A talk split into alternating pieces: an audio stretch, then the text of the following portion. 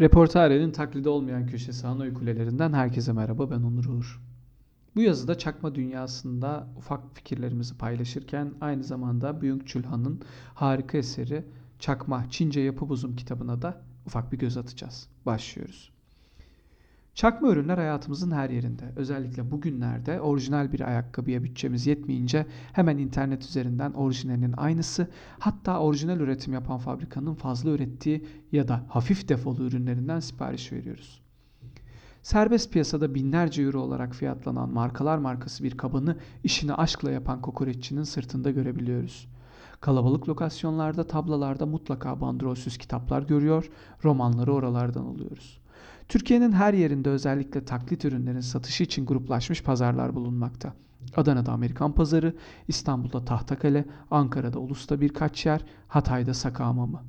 Çakma ürünler arz talep dengesi içerisinde kendi müşteri kitlelerini oluşturuyor. Bazı markalarda orijinallik ve imitasyon kavramı iç içe geçmiş durumda. Mesela ben üzerinde yırtıcı sürüngenler ailesinin üyelerinden olan markaların çakmalarını orijinallerinden ayıramaz haldeyim.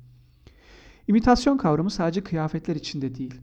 Bir şarap markasının aynı ürünü farklı bir isimle daha uygun fiyata piyasaya sürmesi de bir çeşit imitasyon bence. Ya da birbirinin aynı dizilerin çeşitli kanallarda boy göstermesi günümüzde esinlenme olarak adlandırılsa da hafiften çakma hissini uyandırıyor.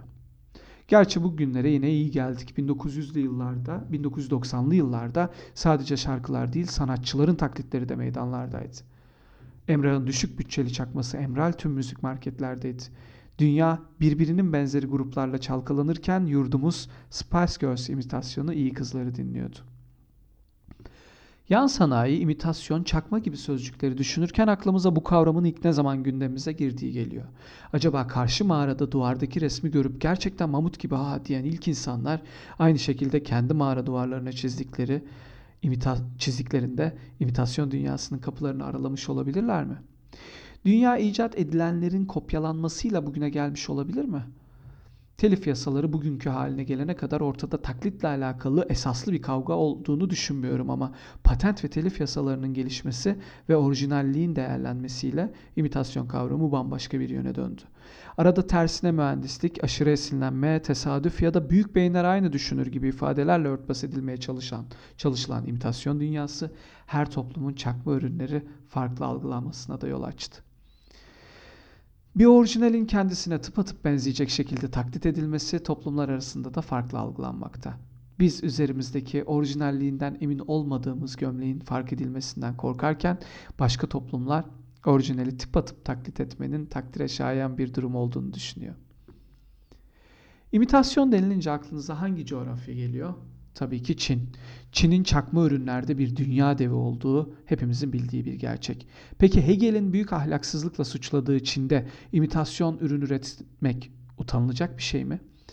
Byung Chul Han'ın harika eseri Türkçe'ye Sibel Atam tarafından çevrilen Çakma Çince Yapı Bozum kitabı Çin'in imitasyon kültürüne nasıl baktığına dair harika bir derleme. Kitaba göre kopyalamak ustaya bir saygı göstergesi ustayı övmek anlamına geliyor. Örneğin Manet'in Gauguin tarafından yapılmış kopyası bir ilanı aşk. Van Gogh'un Hiroshige taklitleri hayranlığın bir ifadesi. Kitabı okurken internet üzerinde yapacağınız küçük bir aramayla Çin'in çakma işinde nedenli önde olduğunu da görebiliyorsunuz. Kahvenizi Sandbox'tan alabilir, Mike veya Abibas marka ayakkabınızı Dolce Banana marka kıyafetlerle kombin, kombinleyebilirsiniz. Kitabın sayfaları arasında dolanırken orijinalin aynısı olan bir ürünün pahası nedir? Orijinalinden ayrılmayan bir imitasyonun orijinali kadar emeğe sahip olup olmadığı, orijinalinin aynısı olan bir ürün sahte olduğuna inanılmıyorsa o ürün orijinal midir gibi felsefi sorulara da zemin hazırlıyor.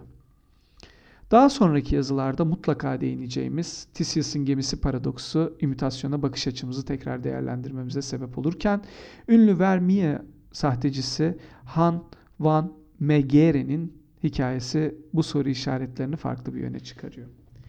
Megere'nin inanılmaz bir emekle taklit ettiği ve tüm resim ekspers, eksperlerini ters köşeye yatıran sahte tablosu De Emmaus Gangers olması lazım. Türkçesiyle Emmaus'ta yemek. Teknik analizlerden bile geçecek, geçerek resmen gerçek ilan ediliyor. Daha sonra Nazilere satılan Vermeer eserleri için yakalanıp hapsedilen Mea Geren duruşması sırasında şunları söylüyor. Dün bu resim milyonlar değerindeydi. Tüm dünyadan eksperler ve sanatseverler onu görmeye geldi. Bugün değersiz ve kimse onu bedava görmek için yolun karşısına bile geçmez. Fakat resim değişmedi. Farklı olan nedir? Gerçekten farklı olan nedir? Buyung Chulhan'ın Çakma Çince Yapı Bozum kitabını mutlaka okuyun. Bir sonraki yazıda görüşmek üzere. Kendinize iyi bakın.